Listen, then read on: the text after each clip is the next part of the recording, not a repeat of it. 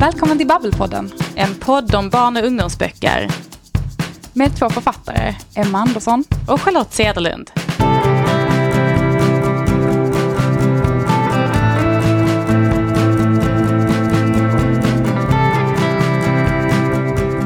Charlotte, idag är det faktiskt internationella kvinnodagen. Jag vet, och vi släpper poddavsnitt. Precis, och eh, man kanske tänker att det behöver man ju inte göra någon grej av eller eh, satsa på som avsnitt. Men vi tänkte att vi ändå ville prata lite om något relaterat i alla fall. Ja, men jag tänker, jag tror att vi har ju funderat lite på att prata lite om hur barnboksbranschen ser ut och, och liksom vilka som jobbar i branschen ändå. Och då blev det ju ganska lägligt att göra det just idag. Eh, därför att vi har väl en känsla av att det är väldigt mycket kvinnor i barnboksbranschen. Ja, alltså det är ju utifrån egentligen bara människor vi mött i branschen helt enkelt och människor vi känner.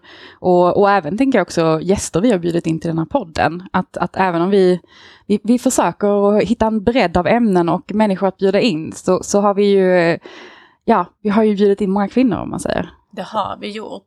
Och jag vet inte, har du reflekterat mycket över det förut? Att menar vårt förlag är nästan bara kvinnor och är man ute på mässor träffar vi mycket kvinnor. Jag vet inte om det är så eller om det bara är vår uppfattning.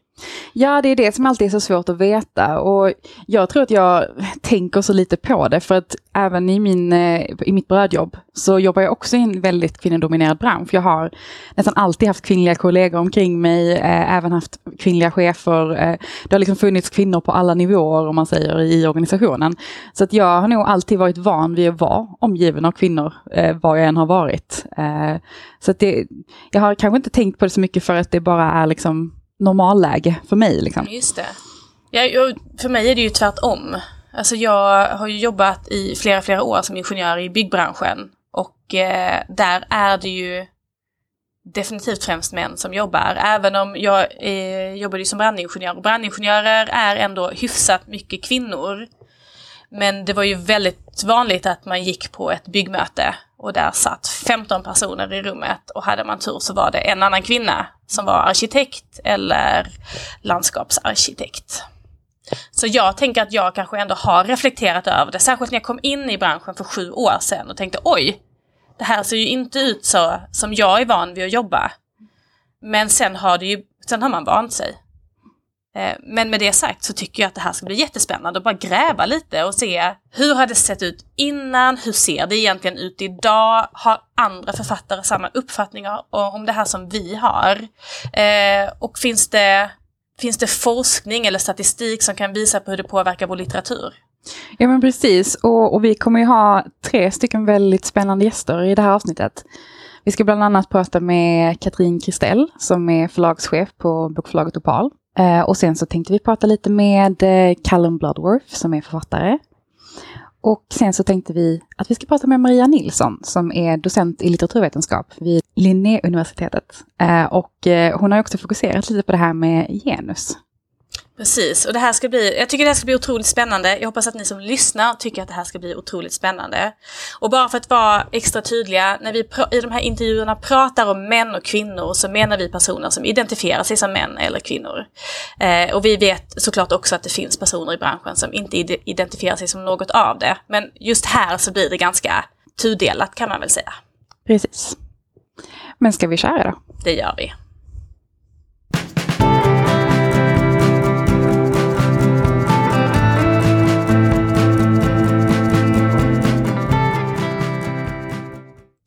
Hej Katrin, välkommen till Babbelpodden. Hur mår du idag? Tack så mycket. Jag mår bra.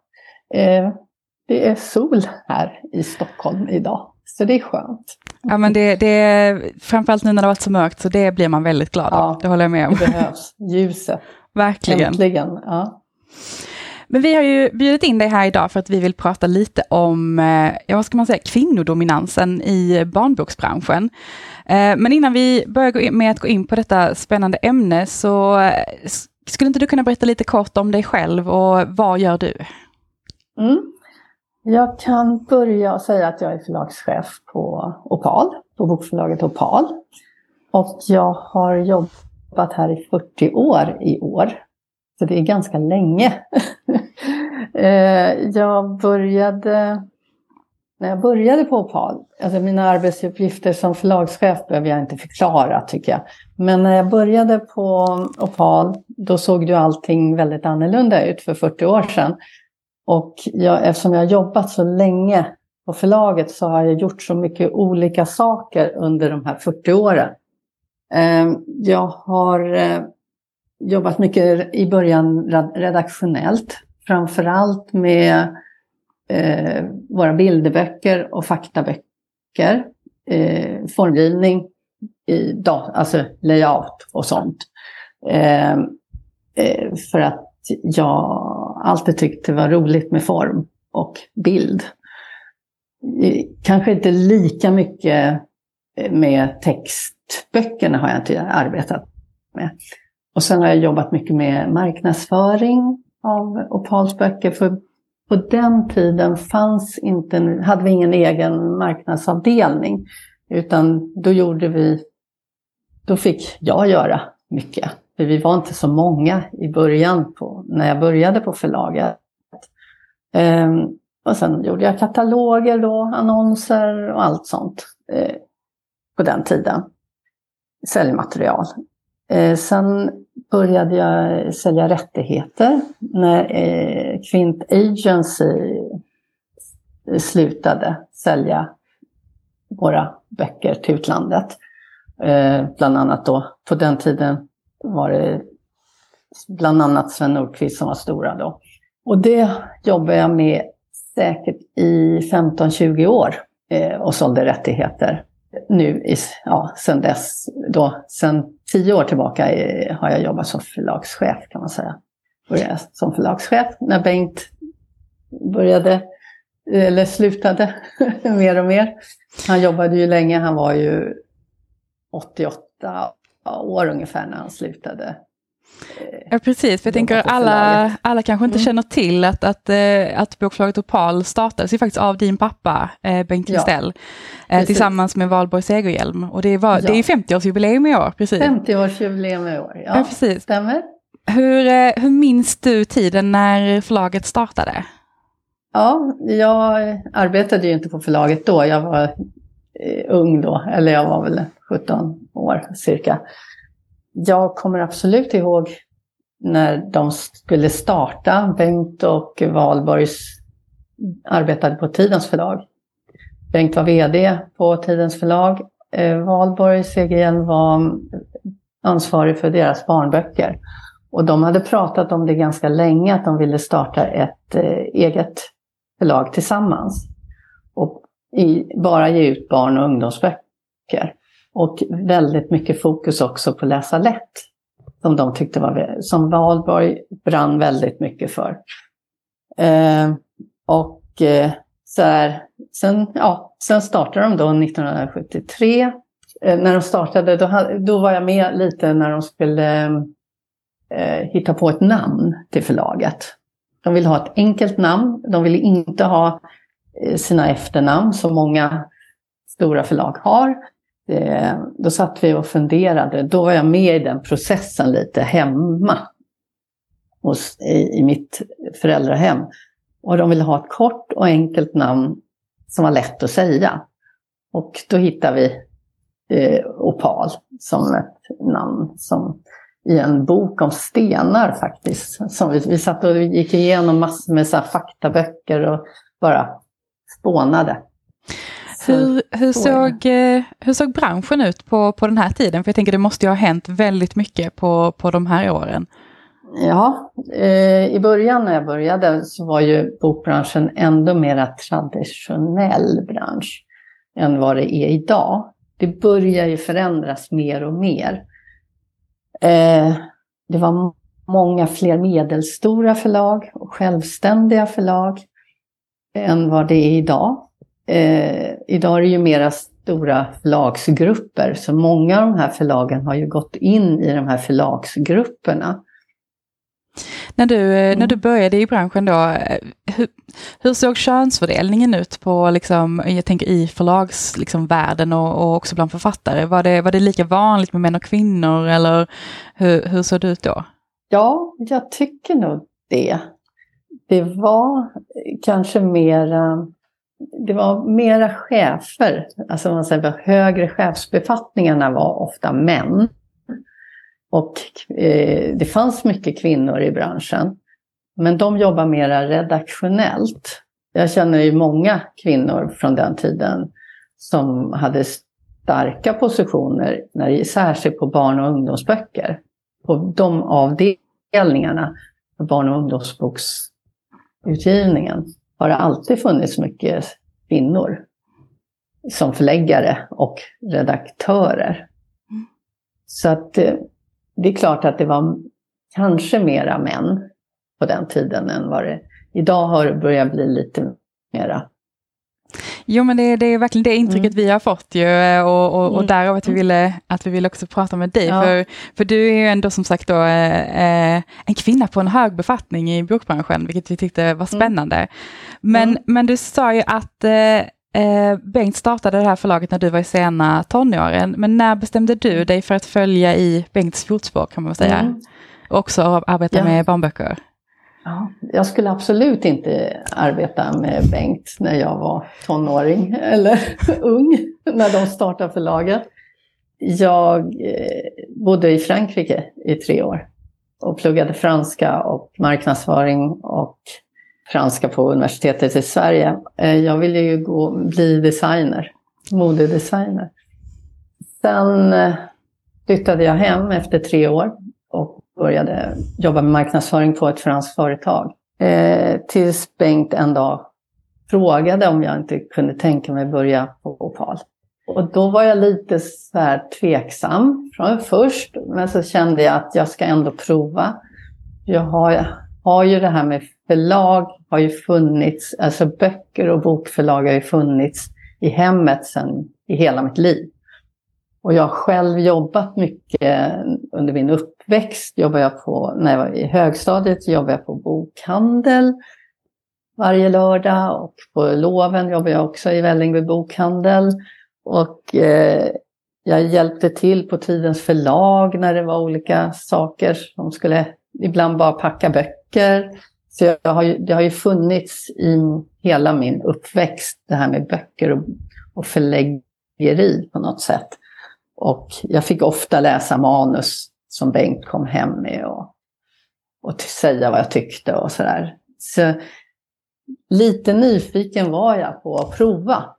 Och så började jag på förlaget då. Eh, 83, 1983 och kände att det var som att komma hem. Det kändes så naturligt. Eh, ja, på den vägen ner det. Så att eh, det var inte så konstigt. Det kändes väldigt bra när jag väl började.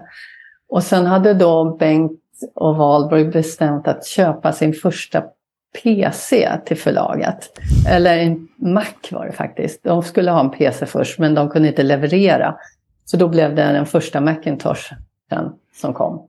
Som de hade beställt. Och de kunde ingenting om det här. Men Bengt var alltid nyfiken på modernisera saker och vara med tidigt i stadiet på alla de sätt. Men var, du alltid, var det alltid självklart för dig sen att du skulle ta över som förlagschef när Bengt väl slutade? Var du säker på det långt innan ja. eller? Mm. Ja, det kändes, jag växte in i det mer och mer. Jag jobbar ju så länge med olika, på olika sätt. Redaktionellt och med layout, marknadsföring och sen rights. Och sen, ja, det kändes bara naturligt att det skulle bli så. Och jag, i slutet, eftersom Bengt var uppåt åren och eh, började bli äldre, så fick jag ju hjälpa honom mycket i slutet. Som hans eh, högra hand, om man säger. Eh, och ta vissa beslut och ja. Och så. Så det blev en ganska naturlig övergång till förlagschef. Ja, man kan ju inte säga att du inte har erfarenhet av de flesta grenar i branschen. Det känns ju som att du har nej, hunnit göra nej, det mesta. Har varit med. Det är sant, jag har nog gjort det mesta. Precis. Ja. Eh, men om man tänker som så, det har ju, det har ju hänt väldigt mycket i branschen generellt eh, på, de, mm. på de här åren. Men ja. om man säger ur ett kvinnoperspektiv, eh, mm skulle du kunna peka ut några förändringar som du tänker på som liksom har varit liksom något särskilt under de här åren? Eh, eh,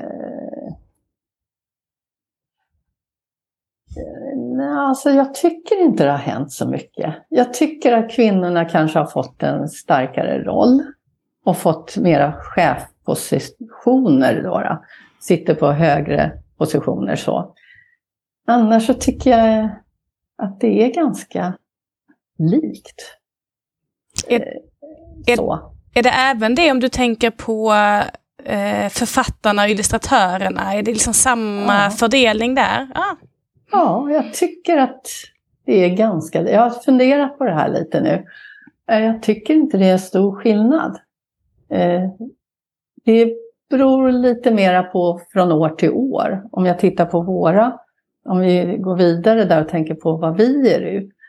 Eh, så jag tittar på vad vi ger ut 2022 gav ut och vad vi ger ut i år, 23, så är det lite som skiftar eh, antal, om det är manligt eller kvinnliga författare. 2022 hade vi lika många manliga som kvinnliga författare och illustratörer, om man säger så, för småbarn och, och bilderböcker.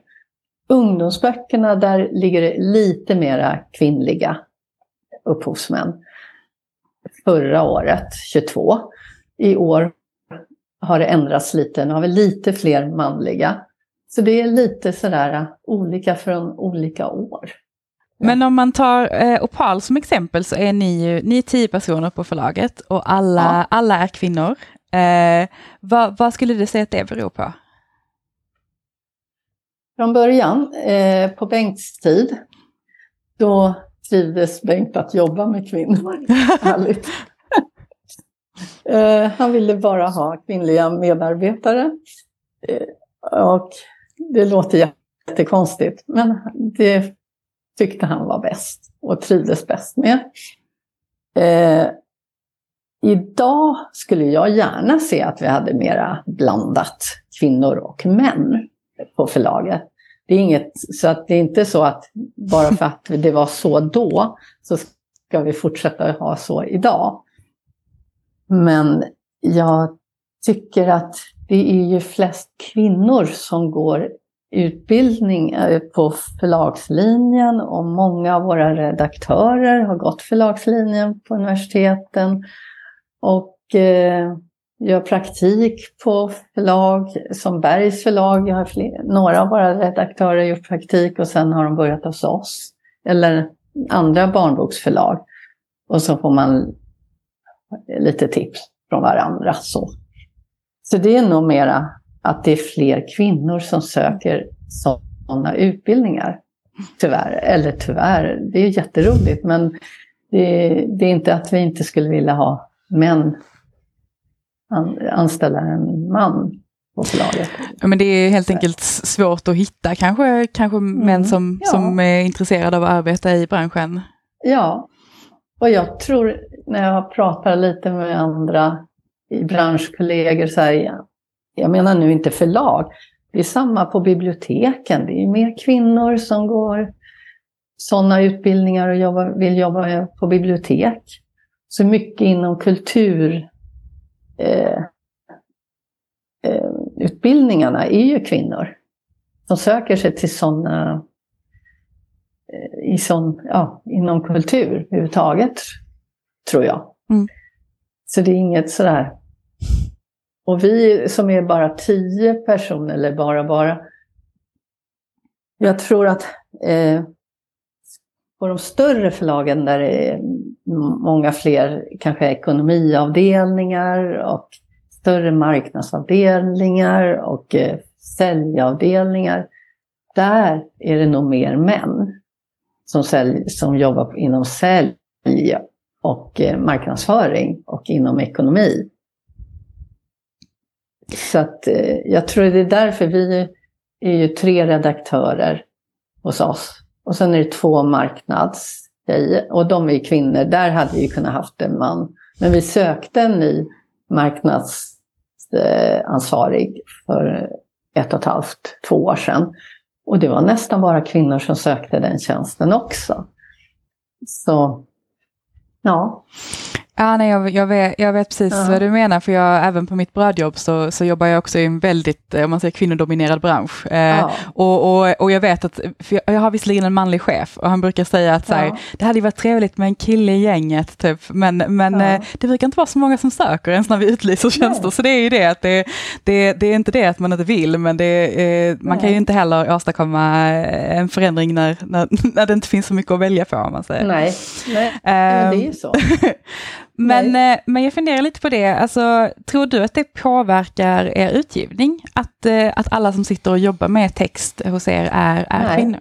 Jag tror inte det. Jag funderade lite över det. Jag har funderat på det. Men det tror jag faktiskt inte. För vi tänker alla här så mycket på läsaren. Att den är den viktiga. Eh, vem ger vi ut boken? Vem ska läsa våra böcker? Och sen ser ju mycket rapporter också om att pojkar läser mindre och hur ska man göra för att få pojkar att läsa? Och då tänker vi ju extra mycket på det. Att vad vill pojkarna läsa? Vad, söker killarna ute i? Ja. Så jag tycker inte det. Och sen har vi ju ja, fläggare och redaktörer som har söner hemma.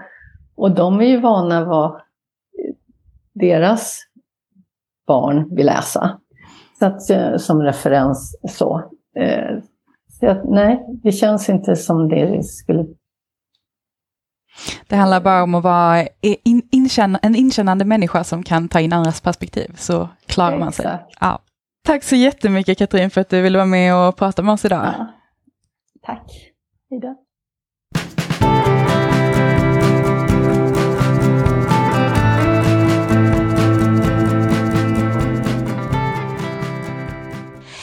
Callum, välkommen till Babbelpodden. Hej, vad kul att vara här. Ja, vad roligt att du är här. Vi är jättepeppade på att få prata med dig idag. Det ska bli jätteroligt. Jag är det är en ära att få vara med.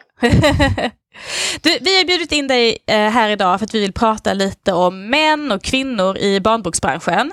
Men innan vi börjar eh, gå in på det här ämnet så skulle inte du kunna berätta lite kort om dig själv och vad du gör och vad du skriver? Ja, jag heter Callum Bloodworth eh, och bor, är ursprungligen från England, bor strax utanför Stockholm och eh, är till vardags journalist eh, på Expressen där jag jobbar med tv-avdelningen. Och utöver det så skriver jag då och är inne på tredje, snart fjärde boken, både för vuxna och för unga vuxna. Så det är två för vuxna och en, snart två för unga vuxna. Så att eh, det är det jag fyller mina dagar med. Förutom då jaga mina barn som just nu är sjuka hela tiden. Just det. Eh, och du, du skriver ju, alla dina böcker, de som är för vuxna och för unga, de handlar ju eh, ganska mycket om kärlek och kanske kan benämnas som någon slags feelgood böcker. Eh, varför valde du att skriva, skriva i den genren? Alltså för mig kom det ju väldigt naturligt för det, det är ju sen i, i tonåren så läste jag kanske mer så här Livsfarens guide till galaxen och sånt. Men sen så lånade jag mammas Bridget Jones, lämnade aldrig tillbaka den och sen var det kört för mig. Det, det var, jag var så fast så att det, det, det, var i stort sett, jag är en väldigt enkelspårig person. Så när jag fastnar för någonting då kör jag på det. Så att eh, musiken, då har jag inte vuxit ur emo-perioden och när det, är eller när det är böcker så är det feelgood och eh, den sortens IA-genren eh, Eh, för hela slanten. Så, så när jag väl skulle börja skriva så var det var inget kalkylerat val. Det var inget så här, åh vad säljer bra. Det var ju ren kärlek för kärlek. Lite så. Så att det, för mig så, jag ville skriva en roman som jag själv skulle vilja läsa och jag tror att det är det om man ska tänka, jag vet inte hur ni känner men för min del så blev det ju, hade det blivit så himla synligt om jag hade gett mig på någonting bara för att. Utan det blev ju någonting som jag brann för och då hoppas jag att det syns också. Ja men det, det gör det nog. Eh, för er som lyssnar på podden så eh, tipsade jag ju om Callums bok eh, Berätta tre saker i en tidigare säsong. Ja. Eh, så jag rekommenderar att man spanar in den verkligen. Men du, eh, om vi går in på branschen då. Eh, vår känsla är att det finns ganska få män i barn och ungdomsboksbranschen och att det är en ganska kvinnodominerad bransch. upplever du samma sak som vi? Jag funderar på det. Jag vet inte riktigt om jag... Nu, nu är jag kanske mer koll på, på ung vuxen-sidan. Det, det, är ju... Ehm, det är såklart, det är kanske mer kvinnor som skriver överlag och det tror jag är samma i, i barnboksbranschen. Eh, jag är så svårt att sätta mig in i liksom förläggarperspektiv om det är någonting man tänker på eller om det bara är fler eh, kvinnor som skriver än män. Men jag skulle säga att om man ska utgå från feelgood och den genren som jag skriver i, absolut, eh, så är det fler kvinnor som både läser och skriver och samma då inom den kanske sortens ung vuxenlitteratur som jag skriver också. Så där är definitivt över, övervikt eh, för kvinnliga författare än manliga, eh, skulle jag säga. Just det. Visste du att det var så innan du började skriva dina böcker?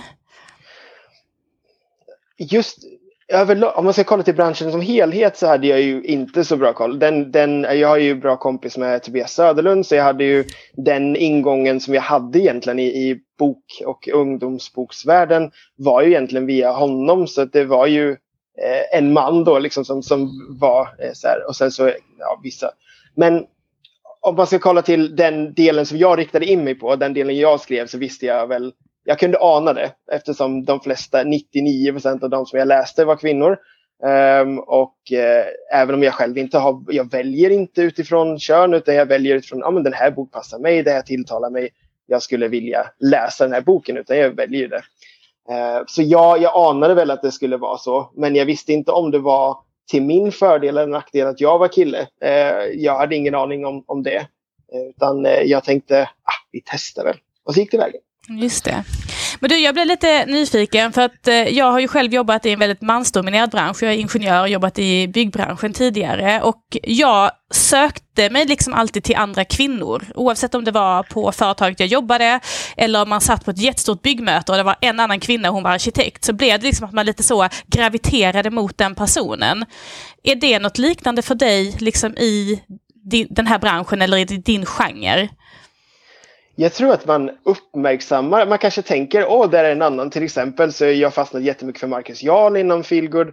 Eh, men det, det, och det tänkte man kanske, åh kolla en kille som skriver, vad, vad roligt tänker jag. Men samtidigt, jag är ju alltid privat också, umgås kanske liksom väldigt 50-50 eh, och kanske dragit mig mer och när jag har diskuterat läsning, när jag har diskuterat böcker och pratat böcker så har det oftast varit med tjejer för att det har ju oftast varit de som har varit läsare till de böcker som jag vill prata om. Eh, så nej, det är väl inte så att jag har dragit mig till det eh, under, eh, säg till exempel om man går till Bokmässan, att jag har dragit mig i någon liten klunga. Typ så. Utan eh, definitivt att jag, jag tycker bara att den här världen är så himla rolig så jag har bara dragit mig till de som jag känner, eller att jag läser och sådana som jag känner, åh vad roligt att prata böcker och litteratur med dig. Eh, så att, nej, det har inte riktigt blivit så. Eh, sen kan jag ju säga det att jag är ganska ny i branschen och hela min ingång till branschen var under pandemin. Så det var ju väldigt, väldigt annorlunda väg in. Så bokmässan förra året var ju någon slags kosläpp. Eh, så det blev liksom, jag bara gick och kramade varenda person jag såg. Eh, så det blir lite så här, det, det, var en så konstig tid att komma in i branschen när man själv liksom dels inte kände till den och sen dels alla sitter och säger det brukar inte vara så här, det brukar inte vara så här och det här, vi brukar vara mycket mer att man träffas och så. Så det var så svårt att veta, så nu är jag fortfarande i den liksom startsträckan där. Liksom, hur funkar det? Är det så här? Vad funkar nu? Och nu är vi inne på andra boken, hur funkar det nu? Så det är så himla mycket sånt. Men nej, inte så att jag drog mig till eh, så. Men eh, det är klart man vet vilka de andra killarna som skriver feelgood är. I, inom Sverige i alla fall, det gör man. Just det, man har ändå lagt märke till dem liksom. Ja, absolut. Och sen så är det ju kul. Jag upplever, och det här vet jag ju inte om det stämmer liksom statistiskt, men att det är ändå fler som har kommit in lite grann. Eh, som har börjat skriva feelgood. Det är bara en upplevelse, alltså män då. Eh, senaste åren, men jag är lite osäker. Men det är en upplevelse att det kanske ändå är fler som ger sig på det, vilket är jättekul. Ja, verkligen. För det tänkte jag att jag skulle fråga dig och jag vet inte om det här är alltså, en, en helt orelevant fråga, men du som har läst så pass mycket feelgood, kan du se någon skillnad, alltså om det är en man eller kvinna som skriver boken? Alltså märker man olika sorters tendenser? Svår fråga, men du kan väl försöka? Mm. Jag skulle väl säga att traditionellt kanske den feelgooden Alltså, jag tror att det man märker av mest är väl kanske om det är en man eller en kvinna i huvudrollen skulle jag säga. Alltså i, i kanske inte mer att det är en man eller kvinna som skriver utan vem det är som är satt i huvudrollen skulle jag väl säga. Sen är det klart, det finns ju vissa, säg, jag vet inte om Backman eller Jonas Jonasson, om de skulle räknas som feelgood. Det finns ju liksom en egen genre för sig som är lite mer liksom ja, men, eh, gubbe som driver runt och gör så liksom hela det. Det är ju en liten annan, men om det beror på att de är män eller om det, det är deras stil, det är svårt att säga. Eh, men jag skulle säga att det är lite annorlunda beroende på om det är en man eller en kvinna i huvudrollen. Och där tyckte jag, för min första så skrev jag en manlig huvudroll. Eh, det, och det var ju väldigt så här, ja men jag ska inte ha det jag kan känna i feelgood överlag, det man reagerat på kanske som man, är att det ofta är eh, männen i det är antingen de som dumpar någon i början eller någon som kommer in är jättemuskulös och är biodlare, väldigt tystlåten med ett hjärta av guld. Alltså, och jag älskar den karaktären. Det, missförstå mig inte, jag älskar ju verkligen den karaktären. Men när jag väl gick in och tänkte, oh, okej, om vi ska lägga en man i huvudroll kan det inte vara den sorten. Så där vill jag väl kanske för min egen del bara liksom utmana lite grann där och, och kanske lägga in någon som är lite mer ja, men som mig som inte har sett ett gym på fyra år, som älskar kakor, som sätter kärlek före, som, eller så, så här, som utmanar lite grann. Så det blev ju min take på det lite grann. Um, men uh, så traditionella mansroller och kvinnoroller kanske finns, men det, det är inte någonting. Ja, det beror nog på mer på liksom, ja, författaren i sig, inte könet, tror jag. Det är lite svårt att säga, jag vet inte. Just det, nej men jag förstår. Mm. och, och, jag blir också nyfiken för att visst har du också skrivit med, alltså Berätta tre saker var ju en tjej i huvudrollen. Hur väljer du om det blir en kille eller en tjej eller en man, man eller en kvinna? Första eh, boken så hade jag eh, 30-årskris och skrev en kille som hade 30-årskris. eh, det, det, var inte själv, men, men det var verkligen så här, ja men jag, eh, jag ville skriva den och jag tänkte, ja men nu ska jag testa att göra en kille i huvudrollen för jag kände ändå, okej, okay, ja men det sticker ut kanske lite grann men ändå vill jag ha den här lite mer traditionella kärlekshistorien men där mannen kanske var den som är mer drivande kring att hitta kärleken. Eh, så där var det ganska självklart att jag ville ha det så för att utmana normerna lite kring hur manlig karaktär är och män överhuvudtaget kanske är eller porträtteras i, i böcker. Eh, och i de andra så är det väl kanske också lite mer, i alla fall, jag försöker i alla fall vara lite mer så här, även om det är då Liv då i Berätta tre saker som är huvudrollen så är det kanske inte traditionella killen hon möter utan det är kanske en kille i det här fallet då som bara lägger ut hela sitt liv liksom rakt upp och ner eh, första gången de träffas. Eh, så jag, jag hade skrivit en kille eh, i huvudrollen med första och så när jag hade inte blivit accepterad då, så när jag började skriva Berätta tre saker så tänkte jag att jag testar att se hur det känns. Det går alltid att ändra i efterhand. Eh, och jag skulle säga, där var det två utmaningar. Dels insåg jag liksom hur gammal jag var när jag skulle börja skriva en 16-åring. Och dels så, så, var det då det här. Och där har jag varit extremt hård både i alla mina böcker egentligen. Extremt hård mot redaktörer och mot liksom, förläggare och sånt. Att det får absolut inte hamna i ett läge där det här känns som kille som skriver tjej. Alltså det här som man har läst och man har tänkt åh nej vissa gånger. Man, så att jag har verkligen, det är någonting jag verkligen har jobbat på. Eh, att det ska kännas rätt och pratat och så. Men det var inte självklart eh, och det hade definitivt kunnat göras annorlunda. Men det var mer ja men jag har gjort det här, jag vill testa. Lite så. Ja. Men du pratar om att du har, eh, du har koll på de andra killarna som skriver feelgood. Tror du att om det blir fler killar som skriver feelgood, tror du att det skulle kunna göra att fler killar faktiskt läser feelgood? Kan det hänga ihop? Men kanske ändå. Eh, jag jag skulle säga att det kanske är mer som vi var inne på förut det här att om fler män är i huvudrollen eller män som kanske tar mer plats i feelgooden utan att vara det här riktigt stökiga, douchiga personen. Eh, eh det är kanske mer det att man vill läsa, okej okay, det här är en kille som är kanske, man kanske identifierar sig mer med eller det är andra sidor av eh, som kanske får ta lite mer plats i själva berättelsen mer än att det är en, en kille som är den som ligger bakom. Sen så pratar jag ju, jag har ju något slags korståg i liksom bland mina kompisar att folk ska börja, att mina killkompisar ska börja läsa Filgo. Det går ganska dåligt men det är ändå fler som vågar hitta in och jag har pratat med kvinnliga kollegor där. Um, de, de, liksom, folk på deras arbetsplatser och, de, de pratar om att oh, det är män som jag, det är så killar jag skulle aldrig tro att han skulle läsa och så läste han min. Uh, och jag tror att det är mer det kanske är ju mer samhället förändras och kanske liksom det här acceptansen för lite alltså, killar överlag och, och våga visa, fler som visar lite mjukare sidor, våga liksom visa sig sårbarare känsliga. Ju, fler, ju mer det blir så, desto mer kanske man inte går och smyglånar eh, Bridget Jones från mamma utan man går medvetet till den här hyllan. Alltså jag vet ju själv, jag gick ju och köpte böcker eh, när jag flyttade hemifrån. Det här är egentligen bara sju, åtta år sedan och man lägger fram dem på, på disken på bokaffären och den personen kollar på en och bara, ah, det här är en present eller? Och så bara, nej, nej det här är till mig. Eh, att man förutsätter också lite grann att ah, men det här kan inte vara till dig. Eh, lite grann. Men eh, jag hoppas ju det. Eh, sen så ska det inte vara så att killar ska kliva in och ta över det, absolut inte. Men det är ju liksom jättekul om, om fler kan börja skriva också. Och jag, de som skriver just nu är ju fantastiska. Så att, um, nu kallar jag inte mig själv fantastisk, jag utgår från de andra. Um, så att uh, jag hoppas ju verkligen det. Så. Just det, men jag tänker alla branscher mår ju bra av att där finns liksom eh, eh, blandat, eh, blandade personer som eh, jobbar på olika sätt. Och jag fick ju tanken nu när du berättade om det här med boken, för att när, jag kommer ihåg när Harry Potter-böckerna kom, jag och Emma som är stora fantasy-fans, så gjorde man ju såna här vuxenversioner av omslagen för att det inte skulle vara pinsamt att sitta på tunnelbanan. Yes. Tror du att man hade behövt ha typ så här manliga versioner av omslagen så att man inte behövde känna så när man gick till bokhandeln och la fram en bok?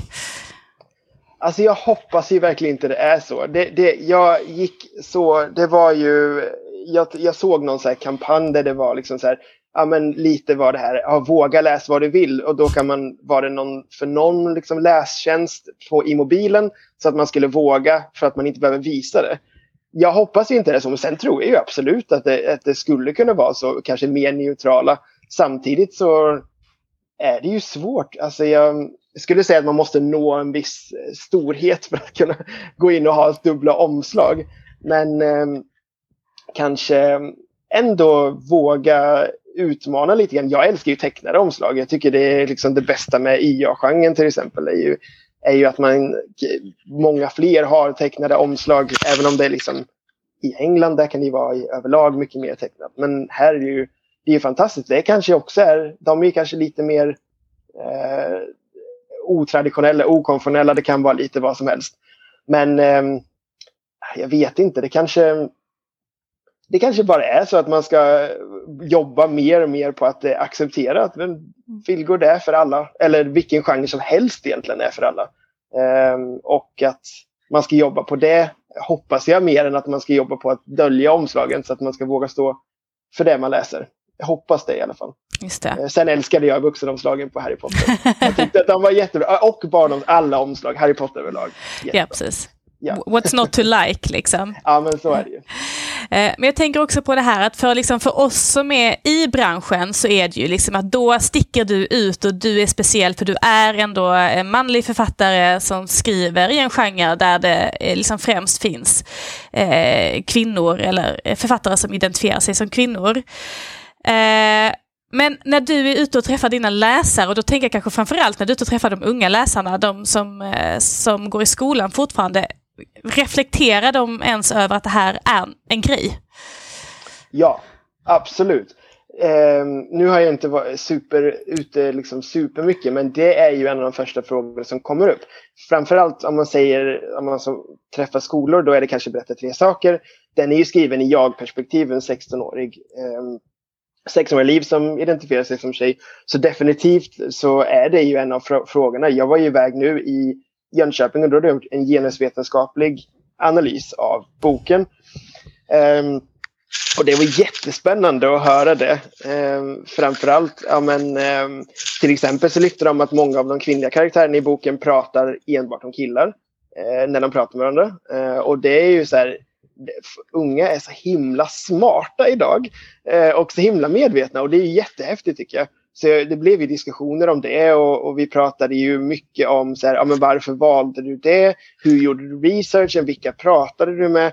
Så det är definitivt någonting som de reflekterar över. Det kanske är mycket för att det är jag-perspektiv också. Um, att det är jag och en 16-årig tjej, att det blir lite så här, uh, att det också bidrar till det.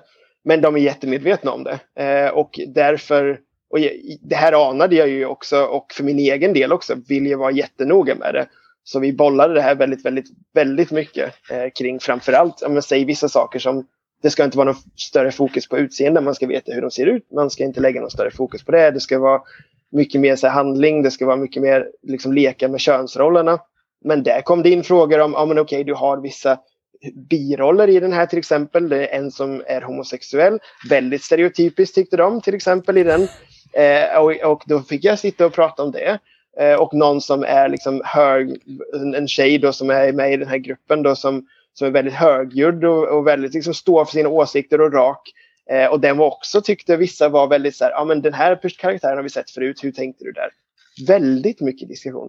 Det är ju väldigt få branscher där man eh, sticker ut som vit heterosexuell kille, så är det ju.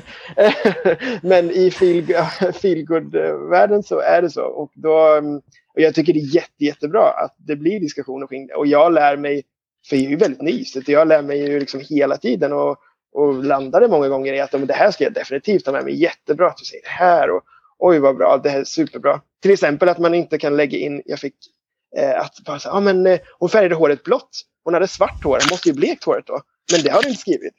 Sådana saker som jag var oh, ja, den, jag, jag här, lobbade runt lite. Ah, men, nej, det, jag strök just den delen. Det fanns en jätteingående beskrivning om när hon blekte håret. Oj, oj, oj, oj, oj.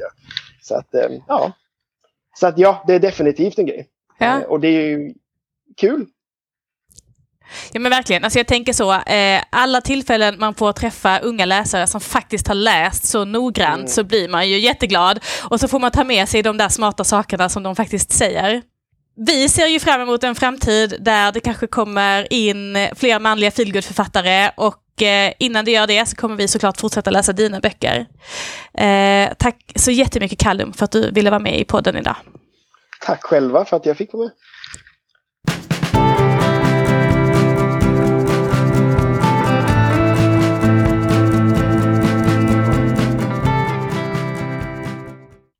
Maria! Välkommen till Babbelpodden. Tackar. Hur mår du idag? Jag mår rätt så bra. Det har varit lite vårväder i Växjö så det känns väldigt skönt. Eller hur? Det har man längtat efter, eller hur? Ja. Du, vi har bjudit in dig här idag för att prata lite om barnboksbranschen och kvinnodominansen i den. Men jag tänkte att innan vi börjar med det, kan inte du berätta lite om dig själv och vad du gör och jobbar med? Ja, alltså jag sitter på Linnéuniversitetet på institution för film och litteratur heter vi, men vi har också kreativt skrivande och där sysslar jag med lite mer lärarutbildning och jag har väldigt mycket sommarkurser och jag ägnar mig egentligen helt och hållet åt sån där så kallad populärlitteratur som feelgood och ungdomsdystopier och, äh, och ofta med ett genusperspektiv. Just det, vad spännande. Eh, och ungdomsböcker gillar vi ju alla. Eh, jag tänker att vi dyker rakt in i ämnet. Jag läste en artikel för inte jättelänge sedan där eh, det stod ett påstående att svenska bokbranschen hade femininiserats. Vad tror du att de menar med det? Ja, alltså när jag fick den här, du har ju skickat frågorna till mig, så blev jag alldeles så konfunderad. Så tänkte jag, jaha, har den det? Och så gjorde jag en högst ovetenskaplig undersökning. Och först började jag med att gå till SCB, Statistiska centralbyrån, det känns ju säkert och tryggt och sådär, för att se att är det, är det helt plötsligt så att förlagsredaktör har blivit ett kvinnodominerat yrke, men det har det inte. De kvinnodominerande yrken, det är fortfarande tandsköterska och barnmorska som ligger i toppen gruppen där. Och sen gick jag och tittade på, ja, men om man går till de stora förlagen på Bonniers och på Nordstedts, är det bara kvinnor helt plötsligt? Men det är det ju inte heller, utan det är ju rätt så blandat liksom. Äh, så jag vet inte. Det är mycket möjligt att det är fler kvinnor som jobbar som redaktörer till exempel.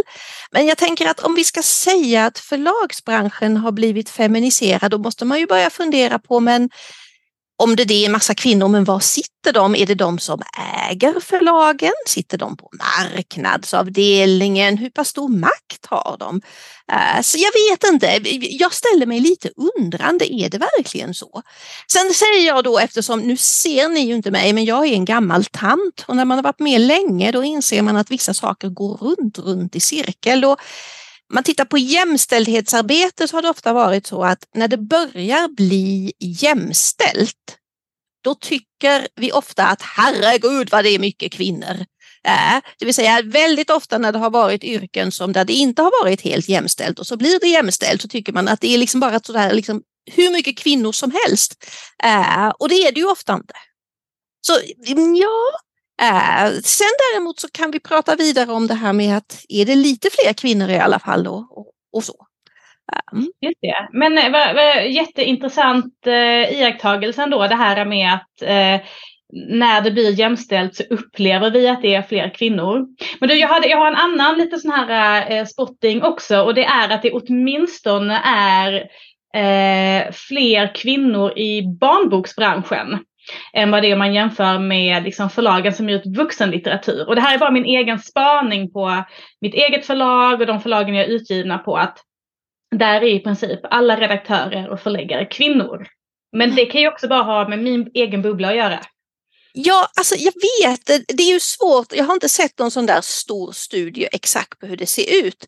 Eh, men då eftersom jag då var tvungen liksom att förbereda mig lite, man är ju akademiker, eh, så satt jag och funderade på, är det så att det är otroligt mycket mer kvinnor som också skriver barn och ungdomslitteratur? Och då gick jag till Svenska barnboksinstitutets bokprovning. Det är alltid bra att gå till Svenska barnboksinstitutet. Ehm, och tittade på statistiken till exempel från förra bokprovningen och då visade det sig att ja, nej, men det är lite fler kvinnor som skriver bilderböcker. Då är det 70 procent kvinnor och ungefär 30 procent män och också ungdomsböcker. Och det här är då alla böckerna som kom ut i Sverige 2021. Men när det kommer till faktaböcker för barn och kapitelböcker och mellanåldersböcker, då är det rätt jämställt. Det är liksom 50-50. Ja, men just det, så då är det kanske mer jämställt då än, än eh, en känslan jag har haft. Men om vi nu ändå eh, ponerar att vi kanske är på väg mot någonting där det blir allt fler kvinnor. Skulle du säga att det finns någon slags risk om, om, det, om man har en bransch där eh, de som skriver berättelserna eh, är ett kön och de som ger ut berättelserna är samma kön? Finns det risk att vi missar några berättelser då, tror du? Alltså jag tänker, och nu låter jag som en sån där liksom politiker, nja, nej, ja, jag tänker men är det, är det kön som är det viktiga här? Är det inte snarare så att vi vill ha, vi vill ha många olika typer av berättelser. Vi vill ha berättelser som jag menar, speglar olika människors perspektiv och erfarenheter. Uh, och visst, kön kan väl spela någon betydelse, men det är kanske snarare så att vi vill ha fler berättelser av författare som inte är vit medelklass. Som, har, som inte är heterosexuella, som har erfarenheter av funktionsvariationer av olika slag, psykisk ohälsa. Alltså ibland tänker jag, det finns sådana här gamla, de har ju faktiskt gjort en hel del undersökningar om det där liksom är det stor skillnad på män och kvinnor och alla undersökningar som finns och här har bland annat en man som heter Raven Connell skrivit mycket om detta. Alla sådana undersökningar, sådana stora, stora med tusentals deltagare, de visar ju att ja, men, egentligen så är det ju så att kvinnor skiljer sig mer från andra kvinnor, alltså det är andra faktorer. Vi är ju så mycket mer än ett kön, det är var vi bor, vilken klass vi eh, tillhör, vilken utbildning vi har, vad vi jobbar med. Så jag tänker snarare det, det kanske är ett problem att det just är rätt så mycket vita medelklassförfattare. Just det, men där har du en poäng att det kanske inte är bredden mellan könen som egentligen är, är, är det vi behöver jobba med och diskutera utan det är någonting annat. Mm. Alltså. Men Sen tror jag, jag det är det är bra när det är blandat. Det är alltid bra när det är blandat. Det är alltid, jag håller med, det är alltid bra när det är blandat. Men jag har ändå en annan liten fråga då, som gör mig nyfiken. Om nu inte kön spelar roll, Eh, jag skickade in min senaste bok till mitt förlag. Det var en bok för lågstadiet. Så bad mitt förlag mig att ändra eh, huvudkaraktärerna. Det var först bara det två tjejer i huvudrollerna och de bad mig ändra till en kille och en tjej. För att helt enkelt kunna bredda målgruppen eftersom deras erfarenhet är att eh, killar i den åldern hellre läser om killar än om tjejer i huvudpersonen. Eh, varför är det då så tror du? Alltså det här har jag hört under hur många år som helst just att man säger att flickor kan läsa om både flickor och pojkar men pojkar kan bara läsa om pojkar. Och jag vet att jag har träffat många lärare som säger att i ett klassrum så är pojkar obenägna till exempel att välja om de får välja mellan olika böcker. Då vill de inte välja en bok som har en tjej på omslaget till exempel. Eh, men jag har än så länge aldrig hittat en undersökning, en stor läsarundersökning som visar det här att pojkar vill inte läsa om, om flickor utan de vill bara läsa om pojkar. Så jag vet inte, det kan vara så men det kanske inte nödvändigtvis är så. Um, ibland tänker jag att vi har en massa sådana här föreställningar och frågan är liksom, ja men stämmer det verkligen? Liksom? Uh, Sen tänker jag på någonting därför att ja, men det är klart vi vill bredda. Eh, jag läste den här senaste undersökningen som kom från Medierådet väl, som visar att både pojkar och flickor nu läser mindre. Och så vill man ju att både pojkar och flickor ska läsa. Eh, och då tänker jag, jag menar, jag ser jättemånga aktioner och olika sådär för att få just pojkar att läsa. Eh, men vi har ju faktiskt också en hel del flickor som redan läser och de ska vi ju också värna om. De ska ju också få historier. Så jag vet inte, jag tänker det är klart man måste jobba brett men ibland, och det är inte bara jag som tycker utan där finns det faktiskt forskning att eh, vi liksom på något vis är lite sådär att vi inte bryr oss om alla dessa läsande flickor som finns och varför gör vi inte det då? Just det. Eh, eh, jag tycker det här du säger är jätteintressant. Ja, eh, är det så att du som är forskare, känner du ibland att det är väldigt mycket uppfattningar som cirkulerar och som kanske egentligen inte har någon riktig grund? Ja, och jag menar så är det. Jag har ju själv en massa uppfattningar om saker, men jag tänker dels kanske för att man är forskare men dels också när man börjar bli väldigt mycket medelålders. Så att jag hela tiden tänker, nej men så här kanske bara det är jag som tror att det är, det kanske inte är riktigt så ändå. Så lite grann att vi har blivit benägna att liksom kasta ut oss mycket där liksom, nej men så här är det istället för att säga, nej men jag tror att det skulle kunna vara så här. Mm, och ibland är det lite farligt. Ja just det. Ja, men jag känner redan, du är vår tredje intervju i det här poddavsnittet och jag känner redan att det som var min eh, grundinställning till manligt och kvinnligt i barnboksbranschen inför det här avsnittet, det har liksom det har inte riktigt, eh, vi har inte riktigt landat där jag trodde vi skulle landa, vilket är superintressant, verkligen. Eh, men du, om jag får eh, svänga in oss på en helt annan fråga. Eh, Förr i tiden, om vi tittar väldigt långt tillbaks, när kvinnor egentligen inte ens hade en möjlighet att få ge ut böcker under sitt eget namn, då använde man manliga pseudonym. Eh, och det kan man ju tro att det var någonting man gjorde för jätte, jätte, jättelänge sedan. Men man behöver ju bara titta på eh, alltså Harry Potter-böckerna, J.K. Rowling, som ju faktiskt valde bort att heta Joanne på sina omslag, också av en känsla att ja, men pojkar kommer inte läsa mina böcker om de ser att det är en kvinna som har skrivit de här fantasyböckerna. Jag har en känsla av att det inte alls är aktuellt längre. Men vad är din känsla av det här och när förändrades det? Alltså jag tänker ungefär lite grann som du här att jag kan inte komma på ett exempel efter Rowling där jag har sett det här. Och dels tänker jag på vilken otrolig popularitet, Harry Potter-böckerna, alltså de är ju så populära att det kanske faktiskt gjorde någon, det hände någonting där liksom, för de läses ju av pojkar och flickor, de läses av män och kvinnor. Eh, och det blev ju rätt så tidigt känt att detta var en kvinna som hade skrivit dem. Um, det betyder inte att det inte kommer att hända igen, um, men, men jag ser väldigt få, få exempel på det. Um, Tror du att, eh, men jag tänker att du var väl verksam även när hennes böcker släpptes, tror du att det här var eh, en underbyggd uppfattning att de trodde att hennes böcker inte skulle sälja om hon hette Joanne? Eller var det också någon, en känsla som var lite tagen ur luften? Alltså jag tror det är en sån här gammal, lite mossig föreställning att eh, det, det, är bättre att vara liksom otydlig med författarens kön. Um, som, som, som, vi liksom haft med oss under så många århundraden. Så det var nog bara förlaget som var lite försiktigt. Sen dessutom, jag menar, när Harry Potter-böckerna kom, då var ju inte ungdomsfantasy alls särskilt stort utan de blev ju verkligen en sån här liksom, ja, men de har ju gått lite grann i bräschen. Um, och sen har vi ju haft så många såna här ungdomsböcker med fantasyinslag som har blivit jättepopulära. Jag menar Myers Twilight och så. Så att jag menar det finns, det har säkert blivit någonting som har förändrats sedan dess tänker jag. Just det. Men du, som avslutande fråga bara. Om vi nu ska försöka eh, bredda vår litteratur och om det inte handlar så jättemycket om kön utan det handlar egentligen om att få in litteratur skriven av eh, författare med olika bakgrund och olika förutsättningar och så. Det är ju någonting vi säger jätteofta. Men hur ska vi egentligen landa där? Har du någon smart tanke om det?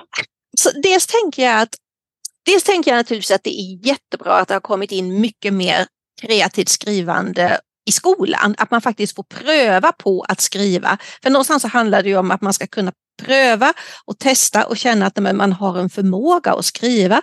Jag tänker också att det är en fördel att vi har börjat bli mycket mer öppna för hur en berättelse kan se ut. För den kan ju se ut på väldigt många olika sätt och vi har andra typer av grafiska romaner och vi har romaner som är skrivna som korta sms. Så kan man också berätta en historia. Men sen är det naturligtvis så att jag menar det är jag tänker å ena sidan så finns det mycket som händer inom egenutgivning. Men ska man ge ut en egen bok då måste man ha lite pengar. Eh, så att man måste ju jobba väldigt brett och på en massa olika fronter. Tänker jag. Så det är inte lätt. Eh, men jag tror att det går för vi ser ju faktiskt att det kommer en hel del eh, andra typer av texter nu för tiden. Precis, ja, men, och det får vi väl hoppas att det är en utveckling som fortsätter och att den blir allt starkare. För jag tänker det gynnar alla oss som läser och älskar böcker och jobbar med böcker. Definitivt. Mm. Tack så jättemycket Maria för att du ville vara med i podden och svara på lite frågor. Tack för att jag fick komma med tv hit.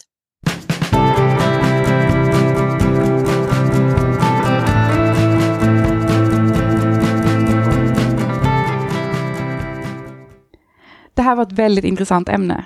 Mm, jag håller med. Jag är, jag är väldigt glad över att vi ändå vågade, vågade oss på det, om man säger. Ja men precis. Kände du att de här intervjuerna liksom bekräftade det du trodde eller, eller blev det tvärtom? Alltså både och på något sätt. Eh, jag tyckte det var väldigt spännande, eh, ändå som Katrin var inne på, att hon tyckte att det inte kändes som att det hade förändrats någonting.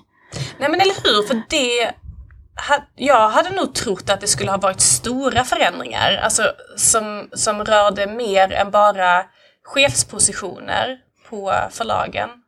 Ja, och jag tänker att det, det, är klart att man kan se det, alltså, jag kan ju liksom nu när jag tänker på det såklart förstå att, att det har varit mycket kvinnor i barnboksbranschen. Alltså om man bara tänker det traditionella, att här, kvinnor är väldigt engagerade i barns uppfostran och att, liksom, att de kanske på något sätt då står närmare barnen eller vad man ska säga. Eh, ja, traditionellt tänkt då liksom. Men, men det, ja, jag tyckte det var spännande att det var liksom, att det i så fall har sett ut så, eh, så länge. Och att, inte, och att man inte kan se någon jättetydlig förändring mot idag, utan att det är same same. Precis. Sen var hon väl i och för sig också inne på att alltså, Opal är ett ganska litet förlag och har ju mm. varit det framförallt historiskt, mm. även om de nu liksom har räknas väl som ett mellanstort ska man väl säga. Och hon var ju ändå inne på att det kan ju se ut det kan se annorlunda ut på de större förlagen, de som har stora marknadsavdelningar och, och, jobbar kanske med PR och har andra typer av tjänster som kanske i större utsträckning har både har lockat och fortfarande lockar män på ett annat sätt. Ja, och jag tyckte det var spännande för jag, jag kände verkligen igen den, om man säger spaningen, liksom från, från, eh, från, från den branschen jag jobbar i när jag inte, inte är författare. Eh, att det är typ i stort sett samma där, att så här, vi som jobbar, eh, jag jobbar liksom med, ideellt med, med stöd till familjer kan man säga. Eh, och vi som jobbar med, med stödet och liksom det faktiska eh, eller vad man ska säga, vi, vi är kvinnor. Eh, men, men de männen vi har eh, i organisationen sitter typ på marknadsavdelningar eller eh, på IT. Typ. Mm. Det är där de finns. Men de, de, finns inte så mycket ute i, i ja, där, alla, där alla vi, vi kvinnor är. Liksom. Ja, och varför det är så, det kan man, det kan man ha ett helt annat avsnitt Ja, ja, gud ja, och verkligen. Det är kanske inte vårt expertisområde, men det är det är otroligt intressant. Ja, jag. verkligen. Och, och också med tanke på den tid vi lever i när det ändå diskuteras så mycket just det här Alltså det blir ju kanske lite trött det här med manligt och kvinnligt, men, liksom, men ändå liksom att, att man har fortfarande den här diskussionen. Att så här, vad, finns det något som är manligt och kvinnligt? Ska vi, ska vi ens liksom tänka i de termerna? Alltså, ja, definieras vi av liksom vilket kön vi har? Det bör vi ju inte göra, men vi hamnar ändå ofta i, i vissa branscher. Liksom och så här. Men det som jag också tyckte var jätteintressant och som alla de här tre intervjuerna faktiskt eh, alltså touchade vid, det var ju den här frågan om det riskerar att påverka alltså böckerna, texterna, mm. om vi är liksom för eh, till exempel kvinnodominerade eh, kring utgivningen. Och där känslan kanske var att nej men det behöver det nog inte göra, eller det kanske mm. inte är det som är eh, det viktigaste om man ska hitta liksom böcker som passar alla läsare. Nej, och jag tyckte det var jätte, alltså på ett sätt, alltså det är alltid spännande, men jag tyckte också det var lite, det, det är alltid lite skönt att höra på något sätt. Eh, för, för jag kan ju själv känna att, att jag är själv av åsikten att man, man, kan skriva vad som helst. Alltså jag tänker att, att vi, vi som jobbar med det här är eh, inkännande, empatiska personer som det är vårt jobb att försöka sätta oss in i andra perspektiv än våra egna. Eh, sen så kanske man lyckas mer eller mindre bra med det, eh, liksom beroende på liksom hur mycket research man gör kanske och sådär.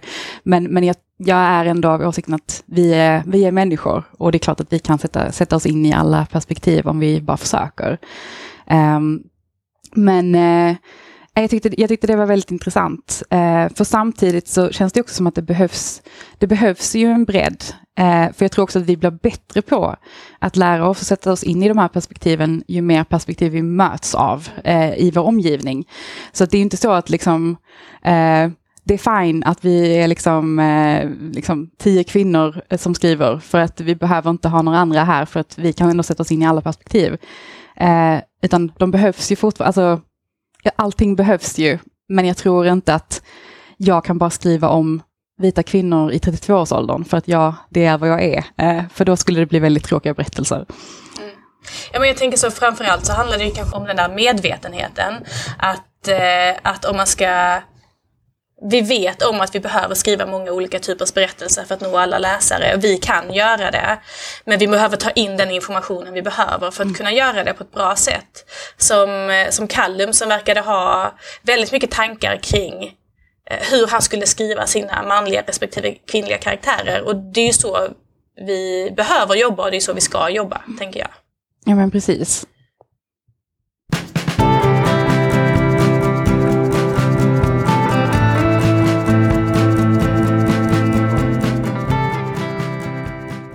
Nu blir det boktips! Emma, har du läst någonting kul sen senast? Ja, jag har faktiskt läst en bok som jag har sett fram emot att läsa. Eh, det är en bilderbok som heter Flickans fågel. Och den är skriven av Stefan Kasta och illustrerad av eh, Marion Jacqueline. Och jag tror att ja, förlåt om det inte var rätt uttal på efternamnet, jag är inte helt säker på. Men jag tror att det är hennes första bilderbok faktiskt. Eh, och den kom ut i slutet på januari på bokförlaget Opal. Och alltså det här är en bok som är lite svår att beskriva och prata om tycker jag. Eh, men jag ska försöka och, formulera någon slags eh, liksom, eh, tanke. Eh, men för det första, eh, bilderna Eh, jag tycker att de är helt och hållet magiska. Jag är inte så bra på att prata om bild, jag har aldrig lärt mig det så, men jag skulle säga att eh, utifrån liksom det lilla jag kan så, så, så tycker jag att hennes bildspråk känns väldigt annorlunda mot vad jag tidigare sett i barnböcker. Det känns liksom som att varje, men varje bild skulle kunna vara en tavla, verkligen. Eh, det, är, liksom, det är poetiskt, det är drömskt, det är vackert.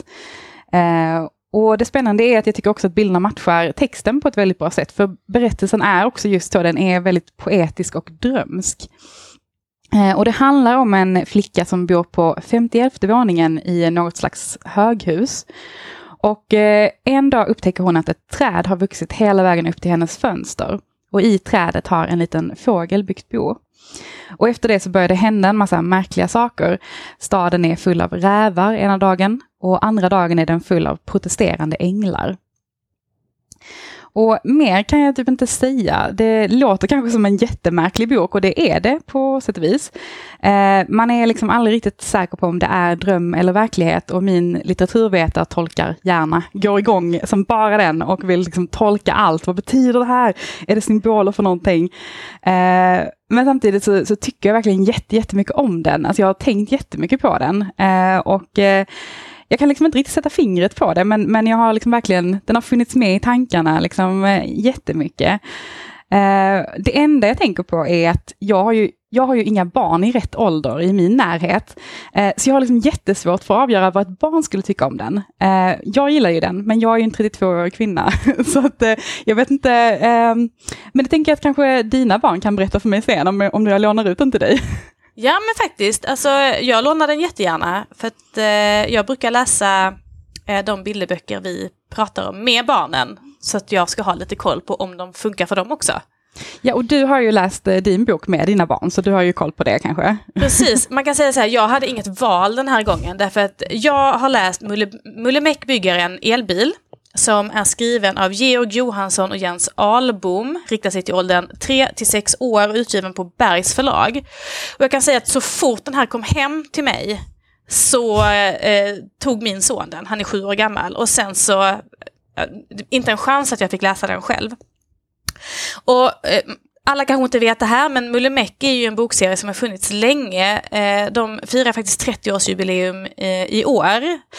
Eh, jag har ingen egen koppling till den, jag var väl lite för gammal när den första boken kom ut. Men eh, min son framförallt som älskar alla fordon, han har älskat Mulle Meck-böckerna.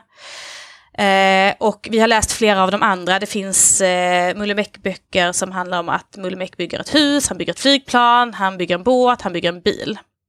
Och just den här Mulle Meck bygger en bil, den kom just för Eh, 30 år sedan. Och det är lite kul för det anknyts till den boken i den här som är Mullemäck bygger en elbil.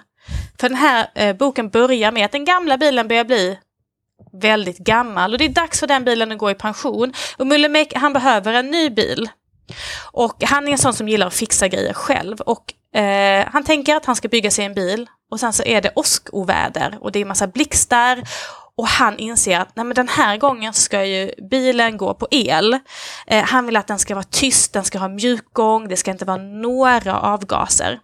Och så börjar han att bygga den här elbilen. Och jag läste den som sagt med min son. Han älskade den, precis som han hade älskat de andra böckerna. Och jag frågade honom så här, men vad är det du verkligen gillar med den här boken? Det är att de faktiskt är många som bygger på den här bilen. Därför att i de, den första eh, Mullimäck-boken när han bygger en bil, om inte jag minns fel, så bygger Mullimäck den ganska själv. Och här är de ju många, för att en elbil är komplicerad.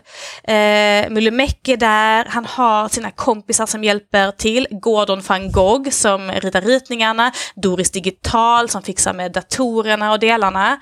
Och det var det han sa, att han tyckte det allra roligaste var att de byggde den här tillsammans. Eh, jag som vuxen läsare, jag gillade att det här var eh, ett klimatsmart bygge. De pratar mycket om att det ska vara bra för klimatet när de bygger den här elbilen. Eh, så de bygger chassit i trä. Karossen byggs i träspån. Det är solceller på bilens tak som ska hjälpa till att ladda batterierna och de använder begagnade delar. Till exempel eh, små eh, delar från lanthandelns gamla kaffekvarnar. Så det gillade jag. Så eh, vi tyckte otroligt mycket om den här båda två och eh, boken står i min sons bokhylla nu och kommer läsas många, många gånger till. Så att eh, det är tur man gillar elbilar. Underbart, det låter jättehärligt. Men det var allt för idag. Och eh, ni vet vad som gäller. Vill ni kommentera någonting, vara med i diskussionen? Har ni, har ni samma upplevelser som oss eh, kring ämnet vi har pratat om idag eller har ni andra tankar så får ni jättegärna lov att dela med er. Det blir vi jätteglada för.